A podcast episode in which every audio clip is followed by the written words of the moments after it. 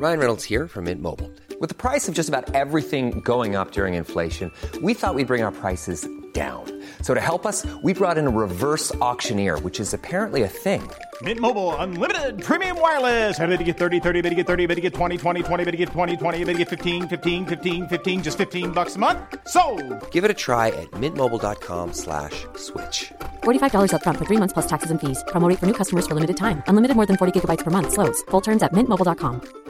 If you thought the only way to get a more defined jawline with natural looking results was through surgery, think again. Juvederm Volux XC is a non surgical injectable gel filler that improves moderate to severe loss of jawline definition and can help you achieve natural looking results with little downtime. Even better, this improved definition lasts up to one year with optimal treatment. No maintenance required. Improve jawline definition for a smooth, sculpted look with Juvederm Volux XC. For important safety information and to find a licensed specialist, visit juvederm.com. That's J U V E D E R M.com. Not for people with severe allergic reactions, allergies to lidocaine, or the proteins used in Juvederm. Common side effects include injection site redness, swelling, pain, tenderness, firmness, lumps, bumps, bruising, discoloration, or itching. There's a risk of unintentional injection into a blood vessel, which can cause vision abnormalities, blindness, stroke, temporary scabs, or scarring. Talk to a licensed specialist to find out if it's right for you.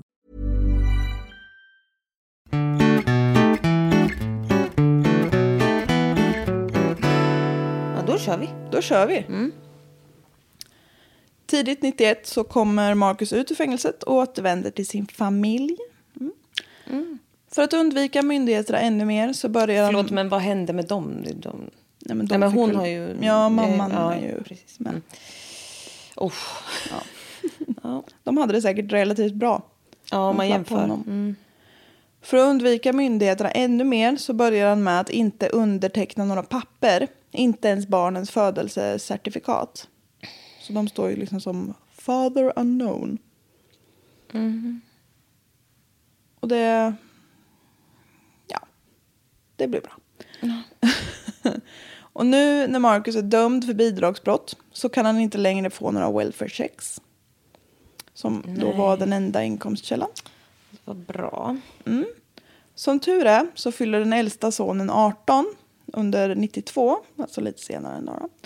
Så då kan han söka om att få welfare. Och Marcus tvingar honom att söka. De här checkarna går direkt ner i fickan på honom själv. Mm. Familjen fortsätter att bo på den här campingplatsen. Som de nu använder. Alltså, de har 16 barn och inget vatten. Och ingen el. Inget rinnande vatten. Ja. Nej. Ja. Ja. Det är så vi jobbar. Efter att Marcus kom tillbaka från fängelset så har han blivit ännu mer frustrerad än tidigare.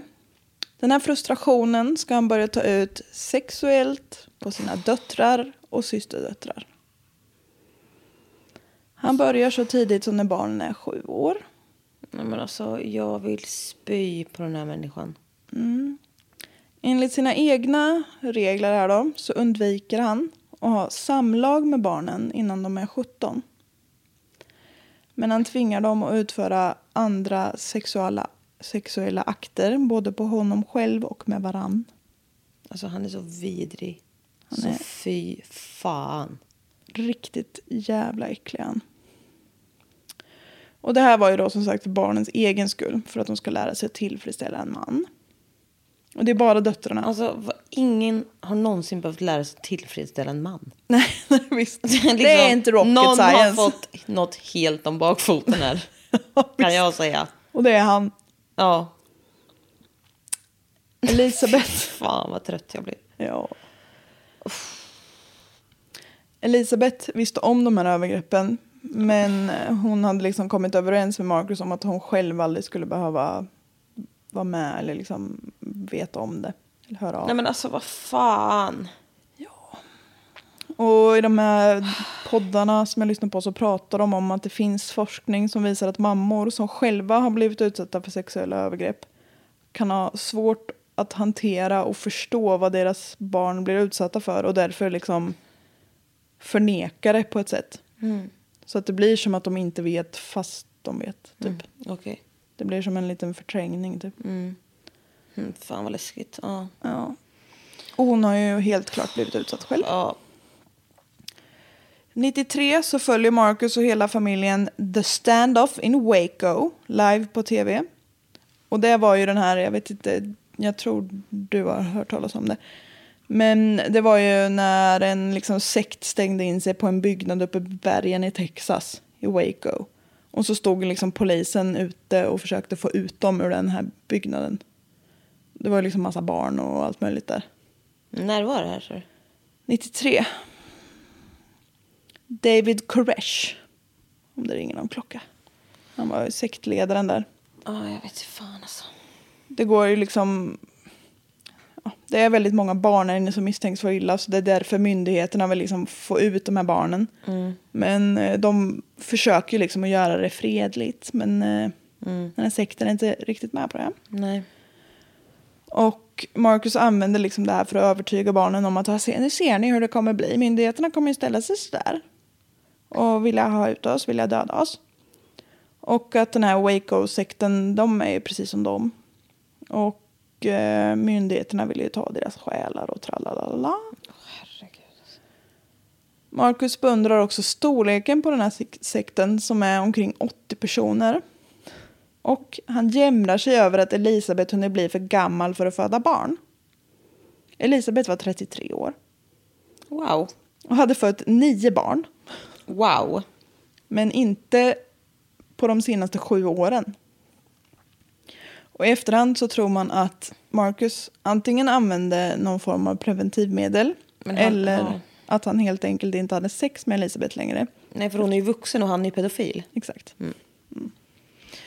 Ja. Ja. Och ja, den här Waco-sekten finns det ju en massa poddar och allt möjligt om. Så det... Jag vill inte säga för mycket om den ifall man vill köra den någon Nej, gång. För nej. det är intressant. Det dör mycket folk om vi säger så. Jag tror. Ja. Marcus samlar hushållets kvinnokönade. Alla förutom Elisabeth i ett rum. Nu blir det, nu blir det skoj här. Det är nio flickor, varav fem är hans biologiska döttrar. Flickorna är mellan 7 och 17 år gamla. Marcus berättar för flickorna att han vill ha mer barn. Så att han, som den gudomlige profeten, profeten Purfeten. kan leda dem till himmelen. Men alltså jag måste ju gå och lägga mig. Jag klarar inte mer. Jag måste lägga mig raklång här. Gör alltså, det. och bara så. Stirra rakt ut. Fy fan alltså.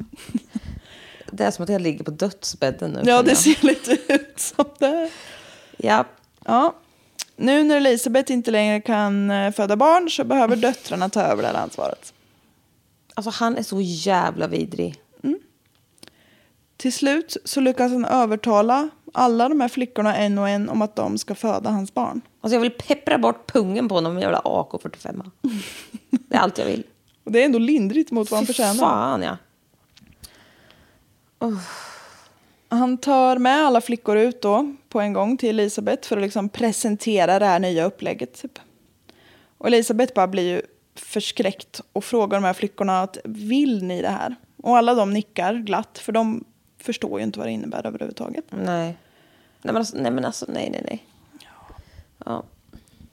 Elisabeth gillar absolut inte det här. Men efter långa liksom, diskussioner och förhandlingar med Marcus så går hon med på att flickorna ska få bära Marcus barn. Men att han måste vänta tills de är 17 och ett halvt. Elisabeth ville att han skulle vänta tills de var 18. Och Marcus bara, nej 17. Så de, de enades över 17 och ett halvt. Jag har inga ord. Inga ord. Det är hans egna döttrar, flera av de här. Jag har inga ord. Nej. Och jag Jag avlider nu. Ja, rakt av. Och jag tycker inte, alltså Elisabeth själv är ju hjärntvättad något så otroligt. Nej men alltså hon, vi kan inte... Vi kan Hon är inte i skick Nej, visst. för det här. Nej, hon... Hon behöver vård. Mycket. Och han behöver en helt annan typ av vård. Eller bara ett pannskott kanske. Nu känner jag att jag... Oh, hon, alltså hon, de vet ingenting om verkligheten. Förstå. Nej, men de har ju typ aldrig Nej, träffat någon annan. nej, nej, nej, alltså de är ju bara med honom hela tiden. Messias! Ja! Under tiden som Marcus liksom går runt och torrjuckar och väntar på hans systerdöttrar alltså. Nu... och döttrar. Uff. Ska bli 17 och ett halvt. Så fortsätter han att liksom långsamt förbättra den här campingplatsen. Till glamping. Till glamping! Nej, du. Han lyckas till slut få till det så att de kan bo där året om i ett sånt jättestort militärtält som går att elda i. Och på något sätt har han lyckats få till så att det går att duscha någorlunda och sådär. Han hinner även gifta sig med den här systerdottern Sofina. Som hon, nu har hon hunnit bli 20 år, så nu är hon ju en, åtminstone laglig ålder. Han gifter sig också med systerdottern Ruby som är 18 år. Och sin egna dotter Kiani som också är 18. Själv är han 46. Jo.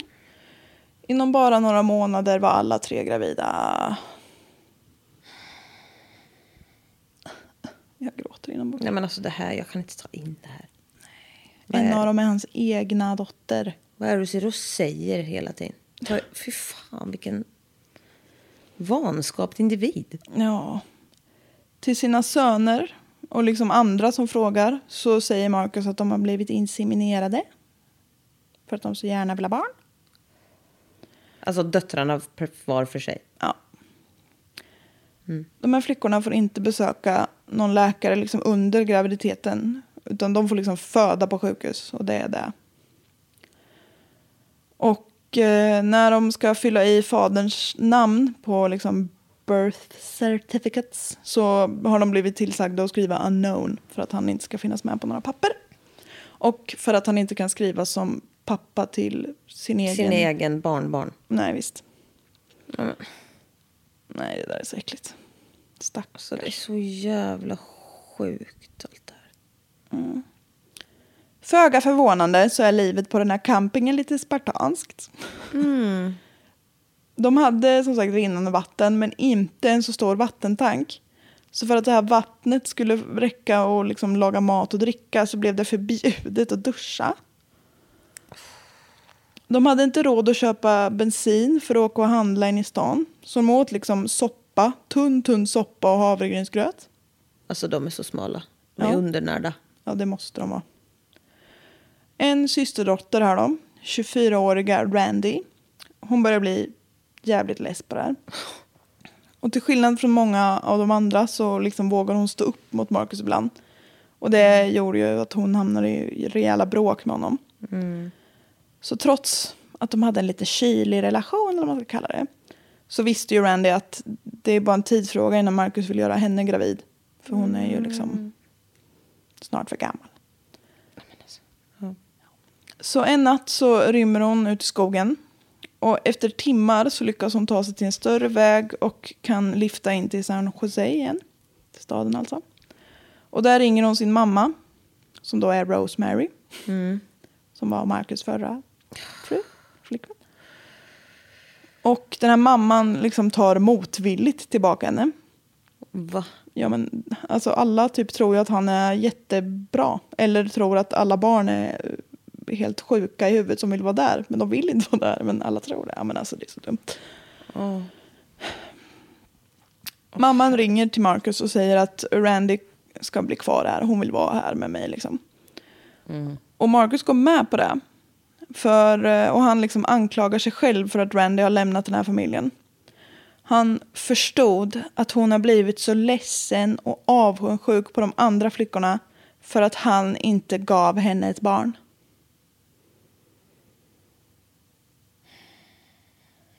Han har förstått allt. Jag avböjer bara. Ja.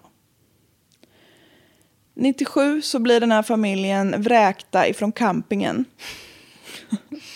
Den här mannen som de har hyrt marken av dör. Och hans son som ärver marken är inte intresserad att hyra ut till den här mannen. Nej. Som tvingar sina barn och fruar, vissa både och, leva under dessa omständigheter. Har jag skrivit. Ja. Familjen är nu uppe i 20 personer. Alltså, Det är alltså... Jag, jag blir helt slut. ja. Av att överhuvudtaget tänka De på är den ju här en soppan. egen skolklass. Nej men alltså de är ju för fan... Nej. Nej. De tar sitt pick och pack och invaderar Elisabeths stackars släkt. i det här flerfamiljshuset igen.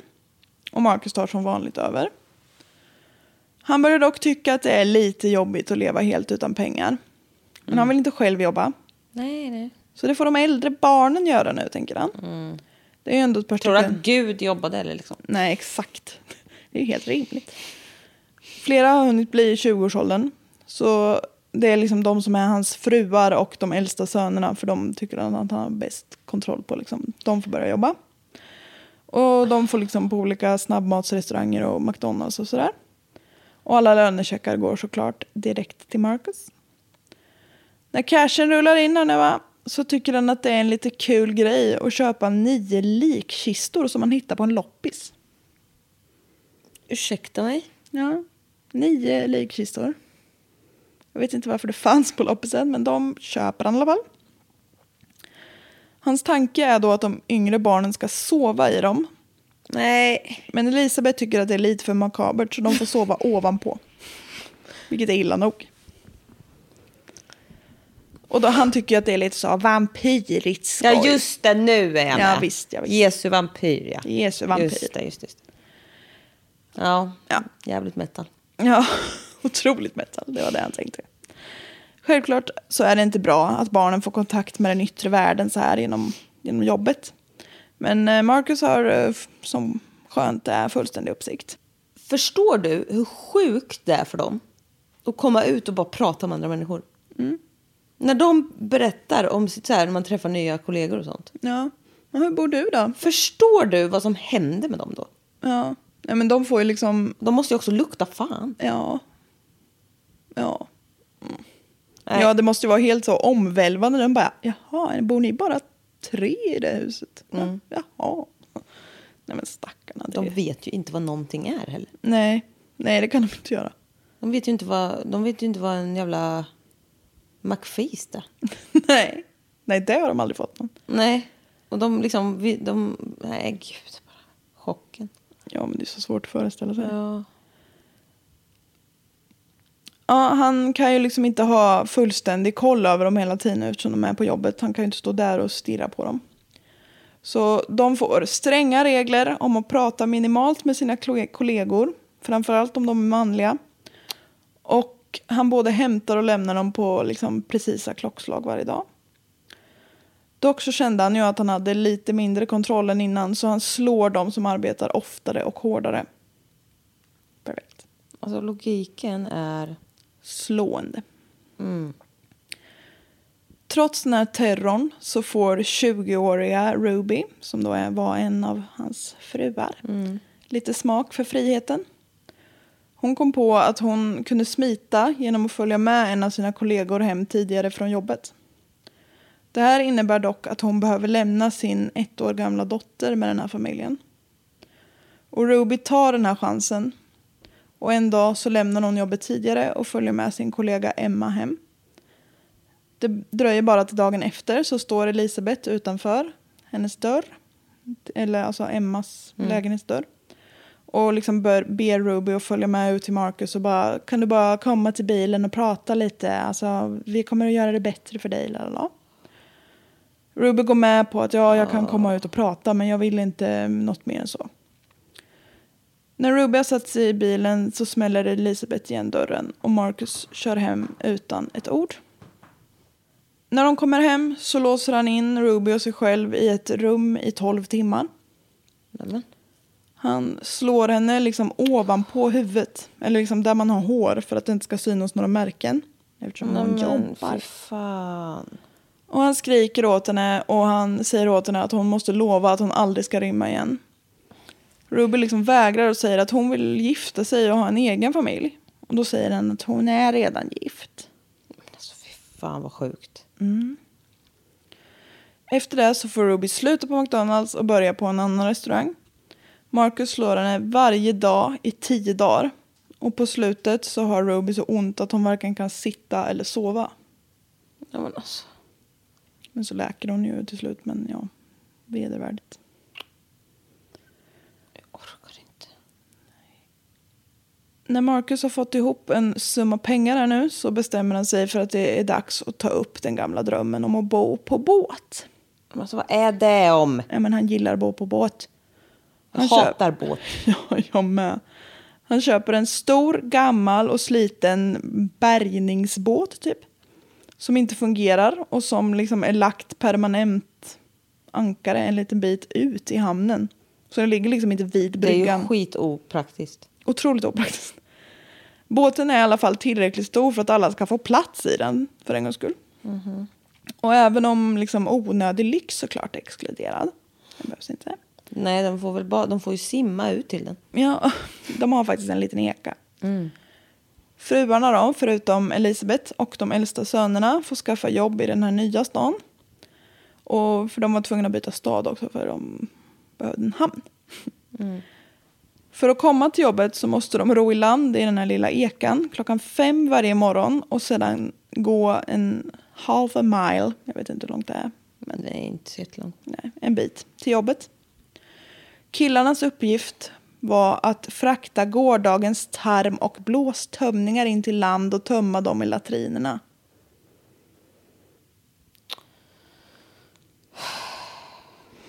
Det skits och pinkas i hinkar här alltså. Mm. Men livet på båten rullar på. Marcus inför veckovisa kvinnocirklar. Alltså, jag vet- Ja. Där de som liksom jobbar och andra tjejer, tjejerna får sitta med och berätta om vad de har gjort på jobbet, hur de känner och vad de tycker. Och det är bara för att Marcus ska ha koll på dem. Och att tjalla på varandra upps, uppmanas ju friskt. Liksom att säga, ah, jag såg att hon pratade med en kille på jobbet i två sekunder. Mm. Alla av kvinnligt kön ombeds även att med jämnare mellanrum komma in i Marcus privata del av båten för att bli sexuellt utnyttjade. Mm. Alla har även fått egna vampyrnamn. Får inte glömma den här vampyrgrejen. Marcus, han har... Edvard! Nej, han heter Edward Cullen. Han heter Jevi Mark Susperi. Vilket är... Det låter ju som en travhäst. Ja, det gör det. Nej, men det är en blandning av Jesus, Marcus och vampyrkung. Vampyrkuss. Vampyrkus. Nej, men jag, jag vet inte. Jag tycker inte det var snyggt. Nej. Jevi Mark Susperi. Nej, men Susperi. Ja, något sånt där. Dummaste jag någonsin hört. Ja. Och barnen kan de kalla för Jiva, Tala, Shidani och Kina. Det var inte så konstiga, men eh, de har andra namn, men de måste ha vampyrnamn. Ja, alltså, ja. Vad är ett vampyr? Alltså så, okej. Jag vet inte riktigt. Nej. Bara låt det passera. Ja. När fruarna var och jobba och Marcus och Elisabeth var ute på ärenden så var det Sofina och två av de äldre sönerna som fick bestämma. Sofina var väl en av fruarna? Ja, ja. Sofina fick nämligen aldrig lämna den här båten. Och om det av någon anledning, ja, om det av någon anledning inte var absolut nödvändigt. Och en dag när Sofina bestämde, så alltså Marcus och de andra var borta, så ser den här skaran av barn som då är kvar på båten två vita skåpbilar som kör runt in i hamnen. De kör liksom i cirklar och kommer tillbaka och s- så det ser lite suspekt ut. Så då får de för sig att det här är ju myndigheterna som till slut har jagat ifatt dem. Marcus har ju varnat dem för att det här kommer ju att ske. Precis som med liksom Waco-sekten där och att det är korrupta djävulsdyrkare och lalala. Så barnen gör som de har blivit lärda att göra när nödens stund är inne. De samlas alla under däck. De är väl typ 15 personer nu. Från två år och uppåt. De sätter sig i en ring och håller varandra i händerna. Sofina hämtar en pistol som är ämnad för tillfället. Nej. Sofina laddar det här vapnet. Hon ska alltså skjuta de andra och sist sig själv för att komma undan alla myndigheter. För det är bättre att de dör. Nej men, alltså, nej men alltså, nej men nu, vet du vad? Åh, Sofina känner att hon klarar inte riktigt av det här. nej! Och de kommer överens om att två av de äldre killarna ska ro i land och ringa till Marcus och fråga om det är det här de ska göra. De får tag i Marcus och han liksom bara nej för helvete. Så hela det här arrangemanget avbryts. Alltså fy fan vad sjukt. Ja. Fatta också att vara så fina där. Nej, alltså nej, nej, nej, nej, nej. nej. Alltså vet du vad? Jag, nej, nej, nej, nej, nej, nej, nej. Alltså jag kan inte ens Nej. nästan. En dag är Ruby helt ensam på båten. Jag vet inte vart de andra har tagit vägen. Hon inser då, för Ruby var den här tjejen som försökte fly förra gången. Och hon inser nu att nu måste hon ta den här chansen igen. Hon måste lämna sin dotter för att liksom rädda sig själv.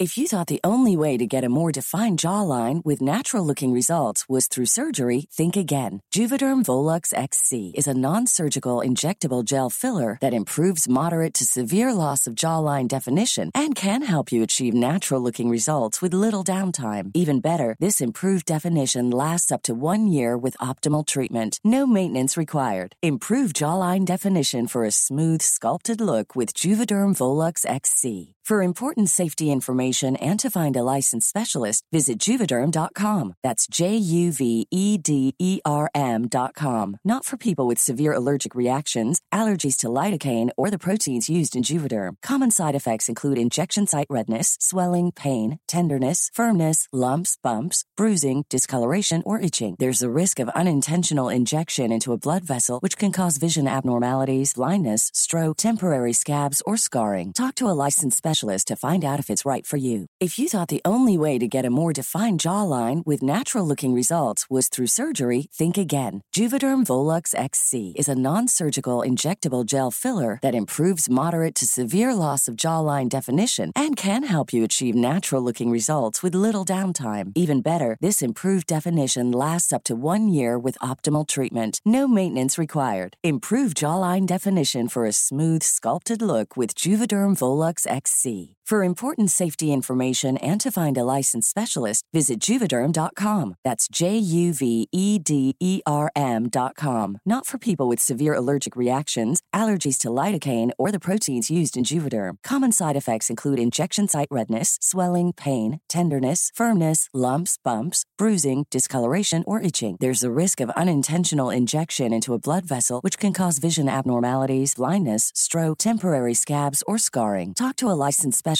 to find out if it's right for you. Hon tar den lilla roddbåten in till hamnen och lyckas ta sig in till den närliggande staden. Hon har ju dock inga pengar på sig för det var ju bara Marcus som fick ha pengar. Ja. Så därför måste hon flytta in hos sina halvbröder, liksom ta kontakt med dem. Och Elisabeth hittar henne snart, för det, det är ganska logiskt att hon är där. Liksom. Och hon får Ruby att gå med på att säga farväl till Marcus på en restaurang. Så hon går inte på det här med bilen igen, utan de ska liksom träffas på en Allmän plats. allmän plats. Ja. De möts upp på den här restaurangen, Marcus och Ruby. Och Ruby får då utstå fyra timmar av skrik och gap från Marcus som försöker få henne att följa med tillbaks. Han sitter ju och vrålar och säger att hon är en hora och allt Men alltså bland folk. Ja. Att ingen kommer fram och hjälper till. Ingen henne. ingriper. Nej. Nej. Ruby lyckas liksom, ja. ja. Ruby lyckas stå på sig och de lämnar den här restaurangen och går åt varsitt håll. Nästa dag så dyker Marcus upp utanför dörren dit eh, Ruby bor med fyra barn. Varav ett av de här barnen är Rubys nu tvååriga dotter. Och så lämnar han dem bara där utan att säga någonting. Nu har man en liten kyss här i knät. Gosan.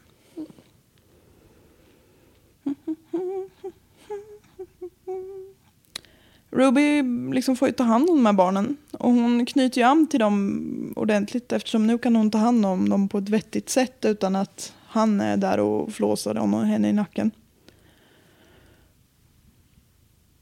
Mm. Gulligull. Det hörs ju att hon spinner. Ja. Lilla mys Marie. Lilla puffen. Det var gosdags nu. Efter tre veckor så kommer Marcus tillbaka. Nu ska han ta med sig barnen hem igen. Han säger till Ruby att det är ju hennes uppgift från Gud att ta hand om de här barnen. Och hon kan ju inte lämna dem i sticket nu. Ruby har ju hunnit få liksom en jättenära relation med de här barnen nu. Och hon känner liksom att jag kan inte lämna dem ensamma med den här gubben igen. Så hon följer med tillbaks. Nu, Det är så jävla äckligt att han utnyttjar att de är kännande individer som bryr sig om andra. ja, Det är vidrigt. ja, han vet ju precis vad han gör Ja. hela tiden. Nu när Ruby är tillbaka så får han problem med Sofina istället. Här jävla fruntimren, vet du, de håller på. Sofina berättar att hon har blivit kär i en man på hennes jobb och att de har kysst varandra en gång och att hon vill lämna familjen. Oj då. Ja, det blir hus i helvete. Skriks och gapas. Men Sofina står liksom fast vid att jo, men jag vill lämna det här råtthålet. Marcus går med på att ja, jag kör in dig till den här jävla killen då så får du sticka åt helvete sen. Han skriker och gormar på henne hela tiden tills de har kommit ungefär halvvägs. Då blir han helt tyst och lugn. Och så vänder han bilen och börjar köra hem utan ett ord. Ja men fy fan. Ja, Fy fan vad obehaglig han är. ja. Och när han har parkerat bilen hemma igen då så frågar han Sofina om hon är redo att möta Gud. Sen hugger han henne med en kniv i bröstet. va? Nej men alltså vad i helvete? Ja, Sofina blir så chockad så hon liksom tuppar av en stund och sen vaknar hon till. Åh men gud. Och då ser hon hur Marcus liksom sitter och stirrar på henne. Och så liksom skriker han igen och frågar om hon är redo att möta Gud. Och hon lyckas liksom, hon har ju panik den här stackaren. Hon har en kniv i bröstet huggen. Ja, visst. Hon lyckas finna sig och liksom svara att nej, nej, jag är inte redo att möta någon gud. Och hon liksom börjar gråta och ber honom att döda inte mig, är du snäll. Och då börjar Marcus också gråta och ser helt förfärad ut och ber om ursäkt för han trodde att hon var redo att möta Gud och att det var det hon ville att han skulle göra. Då blir det så här, Alltså tjejer och deras, alltså inte vara tydliga med vad de vill alltså. Det är inte lätt att veta. Nej, jag vet. Alltså, hon var för... Ja. Nej, det går ju inte bara. Nej. Ja, Marcus får bära Sofina in till båten igen. Och det tar ju liksom några dagar. Hon är ju fan knivhuggen i magen. Nej men jag, jag har i bröstet sa du. Ja, i bröstet till och med. Men eh, hon behöver ingen läkare. Hon får Nej, läka nej, ihop nej. så gott det går. Ja, då, Guds vilja och så vidare. Ja, visst, visst. De andra får order om att nu, ni får inte prata med henne. Hon är, Syndabock. ja visst. Hon, Judas. Ja, precis. Den här silent treatmenten kommer att pågå i två år. Silent retreat. Ja. Hon har ett silent retreat på två år. Det hade inte jag velat vara med på. Men vad är det du säger? Ja, de pratar inte med henne på två år. Det är det jag säger. Folk betalar för sånt. Nej. Så gnäll inte. Nej. Fan vad sjukt. ja, nej det är för bisarrt det här bara. Ja. 99 så blir familjen vräkta från den här båten. De vräks åt höger och vänster. För det är tydligen olagligt att ha en båt stående permanent i hamnen och bo på den om båten inte fungerar. Du får bo på den om du kan flytta på den. Ja. Men den får inte ligga där hela tiden om du inte kan flytta på den. Nej. Nej. Så då blir det tillbaka in i släktingarnas filerfamiljshus igen. Filerfamilj. Filerfamiljshus. Ja. De måste vara så jävla trötta De är på så att de här jävla kommer. ledsna. Jag tänkte på det förra gången men jag tänkte herregud. Ja, visst. Bara, Det är bara jag, min fru och mina 20 barn. Nej, men 18 barn, nej, men ja. ja. Ja. Ruby, den lilla, han, hon är ju jobbig tycker Marcus. Ja, ja. Hon har nu träffat och blivit kär i en kille på sitt jobb. Mm. Men med hans hjälp så bestämmer hon sig för att nu jävlar ska det flys. Och efter några veckor, de hon flyr liksom med honom. Och efter några veckor så ringer hon liksom till Elisabeth och säger att jag mår bra, bara så ni vet typ. Marcus sliter åt sig luren och beordrar henne att komma hem, men hon vägrar. Samtidigt så kallar en av de andra systrarna på att Sofina pratar med en äldre man på jobbet. Det är mycket nu. Den här äldre mannen, Milton, han har sett att Sofina mår väldigt dåligt. De pratar ju inte med henne. Nej men alltså fy fan. Och hon har en typ så kniv i bröstet. Ja, visst. Ett litet snyggt R. Så. Ja men alltså fy fan vad sjukt. Ja. Så den här Milton, han har liksom sett att hon mår dåligt och han har liksom pratat med henne och fått henne att öppna upp. Ja.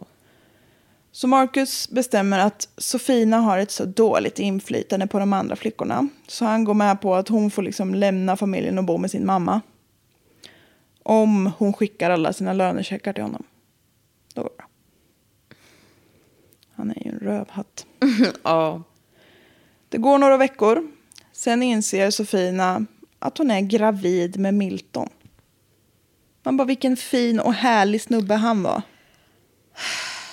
Kan, det inte bara finnas en man Som, Som- inte använder kuken som till är allt. snäll Ja, visst. för en gångs skull? Nej, det skulle pökas också. Nej, men. Vad fan. Jag är så trött på Ja, folk. fan vad vidrigt. Och hon var ju livrädd för att berätta det här för Marcus. Men hon visste ju att det kommer ju synas snart så det är lika bra att jag berättar det direkt typ. Men till hennes förvåning så blir han glad och kramar om henne. Han gillar ju barn va? Eller han gillar åtminstone f- att barn finns. Han frågar om han kan få, få barnet. Nej, men alltså. Gud, jag trodde han skulle bli vansinnig för att det inte var hans eget barn. Ja, Men nej, han men har det- ju vissa andra med som inte är hans vad jag vet. Men ja, Ja. nej men okej. Ja, nej det är bra. Det gick bra. När han liksom, nej, säger Kan Sofina. jag få Kan jag få barnet? Hon bara, nej, du kan inte få barnet. Nej men alltså det är för. Ja, och då blir han ju förbannad Ja. och bara, vi ska aldrig prata med dig mer din galna och subba. Så, nej, då får hon liksom gå. Så Sofina är liksom fri därifrån nu, men hennes femåriga son är kvar hemma med Marcus. Så han har ju liksom ett litet, en liten hållhake. På tal om sub. Så Kalle förut. Ja. Skulle- Vi har ett litet så temporärt liten sån paviljong på Ja. altan. Och den typ vattensfylls på, alltid på ett ställe när det regnar mycket. Mm. Så det är ju som en jävla hängpung som alltså kommer brista alltså när som helst. Ja. Så då så sa vi så här, "Ah, vi måste ju tömma den och han kände att det är jag som får göra det. Vi låg så mysigt i soffan. Mm. Han bara, då skulle han försöka slippa. Så, tänkte, så sa han bara, ja men vi slår om vem som får gå ut. Så, så hämtade han tre tärningar. Och jag bara, visst. Den som slår högst slipper. Den som slår lägst måste gå ut i regnet i spärren och tömma den jävla pungen. vi slår. Han slår en femma. Och du och jag slår varsin sexa. What are Då, the då ramsade han upp tärningarna och så gick han och sa, era jävla subbor. Han trodde att han var safe. Inte då. Otroligt roligt. Ja, riktigt festligt. Ja, ja, ja fortsätt. Mm. Nu är det två fruar tappade. Och det betyder att han bara har två fruar. Elisabeth och Kiani. Som är deras gemensamma dotter. Mm. Ja, så familjen består nu bara av 18 personer. Totalt. Och det duger ju inte. Så Marcus, nu 52 år gammal, gifter sig med sin 20-åriga systerdotter Rosa och sin 23-åriga dotter Sabrina. 2003 har de båda nya fruarna då fött varsitt barn. Så nu är familjen uppe i 20 igen. Alltså, vad, hur gifter de sig? Ja men det är ju, de, det heter väl bara att de gifter sig. Ja, Han har gjort någon egen liten ja ceremoni. han är ju, jag glömde Med vitlök och pålar och- Messias, ja visst. Vampyr-Messias. Ja. Messiah Hallberg. Han är som Messiah Hallberg, precis lika gal. Ja, det flyttas och vräks några gånger till höger och vänster. Tills de 2004 flyttar in i en kontorsbyggnad. Och eftersom man inte får bo i sådana heller så kommer det ju snart ett vräkningsbesked dit också. Och Sofina, Så som, kan, man ens, ja, kan man vräka folk som inte bor någonstans, höll jag på att säga. Ja, men de har ju flyttat in i där de inte får bo. Ja, alltså, de bara går in någonstans och bara, jaha. Ja, här bor vi nu, tack och hej. Det är för weird. Ja. Sofina då, som fortfarande besöker sin son regelbundet, blir orolig när hon hör att familjen är vräkt igen. Men Elisabeth vägrar att berätta för henne vart de ska ta vägen nu. Och Sofina vill ju liksom ha kontakt med sitt barn fortfarande. Så hon bestämmer sig för att höra av sig till Ruby, som liksom också har ett barn kvar hos Marcus. Och de kommer överens om att okej, nu måste vi agera fort och ta tillbaka våra barn. För annars kommer vi kanske tappa dem för alltid. Så de hör av sig till några släktingar som de vet tycker väldigt illa om Marcus. Det är inte så få faktiskt. Nej, de är det- en del. Ja, jag kan förstå dem. Ja, visst. Eh, som liksom ska hjälpa dem. Och planen här är att den här stora gruppen ändå av människor ska ställa sig utanför det här huset och kräva att få tillbaka barnen. Mm. Då kommer ju domedagen här nu känner jag. Du tror det? Myndigheten! Ja, visst. Skulle Marcus vägra så ska liksom männen i den här gruppen uppehålla honom och så ska Ruby och Sofina gå in och hämta barnen. 12 mars 2004. Att man har ett precis datum tyder också på någonting. Då skrider de till verket i alla fall. Elisabeth och några av de äldre sönerna är inte hemma. Men självklart så är Marcus där. Sofina blir liksom insläppt för hon går liksom före så det ser ut som att hon kommer själv. Och eh, hon brukar ju besöka sin son så det var inte så konstigt att hon kom. Nej. När hon försöker ta med den här sonen ut så stoppas hon av Marcus barnfruar. Kiani och Rosa är det som stoppar henne. Marcus går liksom då ut på gården och ser den här folksamlingen. Och han liksom... Get off my property! Ja, men du har ingen property och du har aldrig haft. Nej, visst. Tumult uppstår inne i huset när liksom Kiana och eh, Kiani och Rosa ger sig på Sofina. För de är typ så här, du har lämnat våran familj, din... brr." Subba. Ja, visst. De, det är ju liksom en sekt. De tror ju att de... Han är den stora ledaren och tjalala, och hon har liksom lämnat där. Ja. Så hon är ju en förrädare. Judas. Ja, Upp idag. så lik Judas. Polis tillkallas i alla fall. Och när polisen kommer så försöker Marcus helt lugnt och övertyga polisen om att det är lugnt. Det här är bara galna kvinnor som liksom har en så vanlig custody dispute. Um, vad heter det? Vårdnadstvist. Och liksom de har ju, när de lämnade barnen här så har ju de sagt att vårdnaden är min. Men man, eh, han lyckas ju inte riktigt med det. För på de här födelseattesterna, eller vad det heter, så står det ju mammornas namn, ja. men inte hans. Det blir ett jävla liv och diskuteras hej vilt till höger och vänster. Liksom alla i den här folkmobben börjar liksom så här... Blah, blah, blah. Så det blir liksom rörigt. som- Tumult. Det blir tumult. Elisabeth och de här äldre sönerna kommer tillbaka och blandar sig i. I det här tumultet så lyckas Marcus smita runt till baksidan och in i huset. Och det tar liksom flera minuter innan de märker att han är borta. Då hörs dämpade skott. Elisabeth springer in i huset och typ kommer ut någon sekund senare bara. Hon har typ vänt på klacken nästan. Och är liksom gråtandes. Hon är ju helt förstörd. Polisen beordrar Marcus att komma ut med händerna över huvudet. Efter en stund så kommer han ut. Den här stora, stora mannen. Täckt i blod. Poliserna rusar in förbi vardagsrummet med likkistorna i. Nej men alltså gud. och vidare i en, ett av de sovrummen. Och där ligger det en hög med kroppar omgivna av blod. De ligger verkligen, alltså de ligger ovanpå varandra i hög. Där ligger 25-åriga Sabrina, 18-åriga Lise, Illabelle, åtta år. Nej. Jonathan och Aviv, som var Sofina och Rubys barn. Båda sju år. Ethan, fyra år. Sedona och Marcy, som båda var ett och ett halvt år gamla. Ja, men fy fan. Och längst ner i den här högen så ligger ett år gamla Jiva. Nej.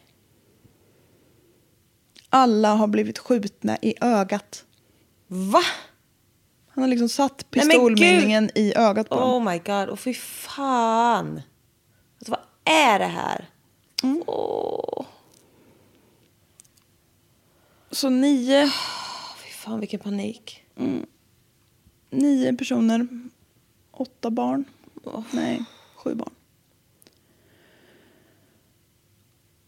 Han har ju liksom blivit i sin egen lilla värld nu. Har ju myndigheterna kommit och stressat och pressat. Och da, da, da, da, da, da. Men polisen haffar ju honom såklart där. Ja. Och den 17 juni 2005 så döms Marcus för nio mord och flera fall av sexuella övergrepp till döden. Det här straffet kommer senare omvandlas till livstid utan möjlighet till villkorlig frigivning. Elisabeth går fri från straff eftersom hon har samarbetat under den här utredningen och att hon är ett offer själv. Ja. Hon och Vad några av de här, ja, hon och några av de här barnen besöker fortfarande Marcus i fängelset. Men han kommer liksom aldrig komma ut. Sjukt. Ja. Det var The Vesson Vampire Clan. Alltså det här är bland det sjukaste snart är helt slut. Ja, det händer så, det, är, det händer så mycket grejer fram och tillbaks. Alltså fy fan. Och jag liksom bara kände att jag kan inte utelämna det här för det Nej. är, det är något. Och då har jag ändå utelämnat, för det är ju väldigt mycket, jag, kan, jag har läst på Wikipedia och på Murderpedia och där utelämnas väldigt mycket. Men om man lyssnar på Spotify Cults, den liksom engelska versionen, så finns det två avsnitt om The Vesson Vampire Clan. Och det pra- de pratar så mycket. Och det är så mycket om det här med religion och Jesus och han liksom superhjärntvättar ju de här Ja, människorna. ja. Så det är ju flera liksom som barn som inte var här som liksom när de har hört att han har död, ska ha dödat nio barn så är, så är de så här "Ne- nej, Ja. det är klart han inte har gjort. Varför skulle han göra det? Alltså så. Ja. Och speciellt killarna har jättesvårt att ta in att han ska ha utnyttjat någon sexuellt. Och så här, för de är så bara, men han var ju världens snällaste, bästa pappa. Han var ju lite kristen sådär, men han var ju jättesnäll. Så det har liksom tagit tiotals år för de här, framförallt mm, flickorna har ju såklart behövt bearbeta mycket, men, och pojkarna med. Men de har ju liksom inte fattat att han har varit en idiot. Förrän Fan, mycket långt senare. Skrämmande. Ja. Det där är så skrämmande. Ja. De här bebisarna. Ja. Förstår du när de börjar skjuta några? Och de andra bara... Nej, alltså vet du vad? Det är så... Ja. Avrättar en hel hög barn. Ja. Och lägger dem. Alltså vad fan? ja. Det är så kallblodigt också. Jag hatar honom.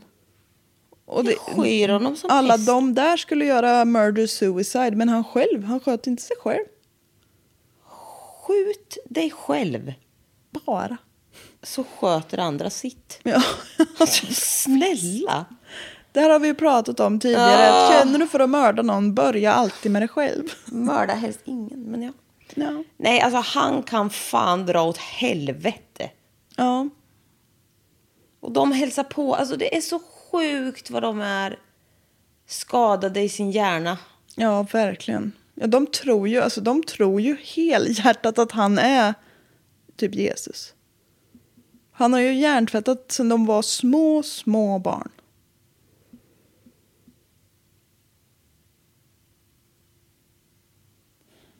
Nej, jag vill inte mer nu. Nej. Det har varit ett megaavsnitt hörni. Alltså klockan är så jävla sent säkert. Klockan nej, är- fy fan hon är 10 10. Känns som hon är fan En lördag. ett på natten. Alltså jag är så trött. Nej men alltså det här var jätteobehagligt. Ja, och jag blir alltid så, jag tycker sekter är så skräckfascinerande. Ja, det är det. För det kan hända vad som helst. Och alla bara lallar med. Men alltså, det ligger så mycket manipulation bakom. Så man blir ju faktiskt... Livrädd. Ja. Ja, men alltså, det skrämmer mig med. Ja. Bara- Och så här, om jag skulle vara uppvuxen i en kristen familj hade jag varit kristen säkert. Ja, det är klart. Alltså, ja, Bara det, tror jag. är ju skrämmande. Ja. Eller så här, det är skrämmande att man liksom, det är inte att vara kristen. Alltså, det Nej, jag fattar så. vad du menar, men att alltså, man- det är ju skrämmande. Min personlighet. Är väldigt formad av din familjesituation. Liksom. Ja. Alltså, det jag och min sanning är ju vad jag har blivit lärd. Nu är man ju vuxen och tar väl sitt ansvar själv. Men alltså så här, ända tills man var liksom... Alltså hela ens uppväxt. Ja. Alltså om någon vuxen som man litar på skulle säga någonting så, så, tar man ju det för att det är en sanning. ja, ja. Är, Och den här pappan i Marcus här, han har ju varit nej men alltså det är ju... fruktansvärd. Ja. Nej men fy fan alltså. Jag... Nej. Han fick barn med sina barn. Mm. Nej. Ja, nu, nu tar vi onsdag, hörni. Ja nu får det räcka det här. Ja, det här har varit ett megaavsnitt med en megasjuk megaman. Verkligen. Och jävlar vilket långt avsnitt. Ja, det, är alltså, det är ju kudos till de som är kvar. Men alltså, ni får väl så ha tagit er en paus och en macka eller Ja. emellan. Hoppas jag typ. Alltså, det här är helt sjukt. Ja, Jesus. Ja, Jesus vampyr. Jesus vampyrus. Nu eh, säger vi tack eh, och adjö för den här gången. Så hörs vi på onsdag. Då jävlar smäller det, kan jag säga med. Alltså, det är mycket smäll. Det är lite av en classic. Ja, Jag kommer riva av här. härligt. Det var länge sedan. Ja, det är det. Vi hörs. Ja, Ja. ja. Ja, nej. Jag, jag stänger bara av här. ha det gött. Hej då.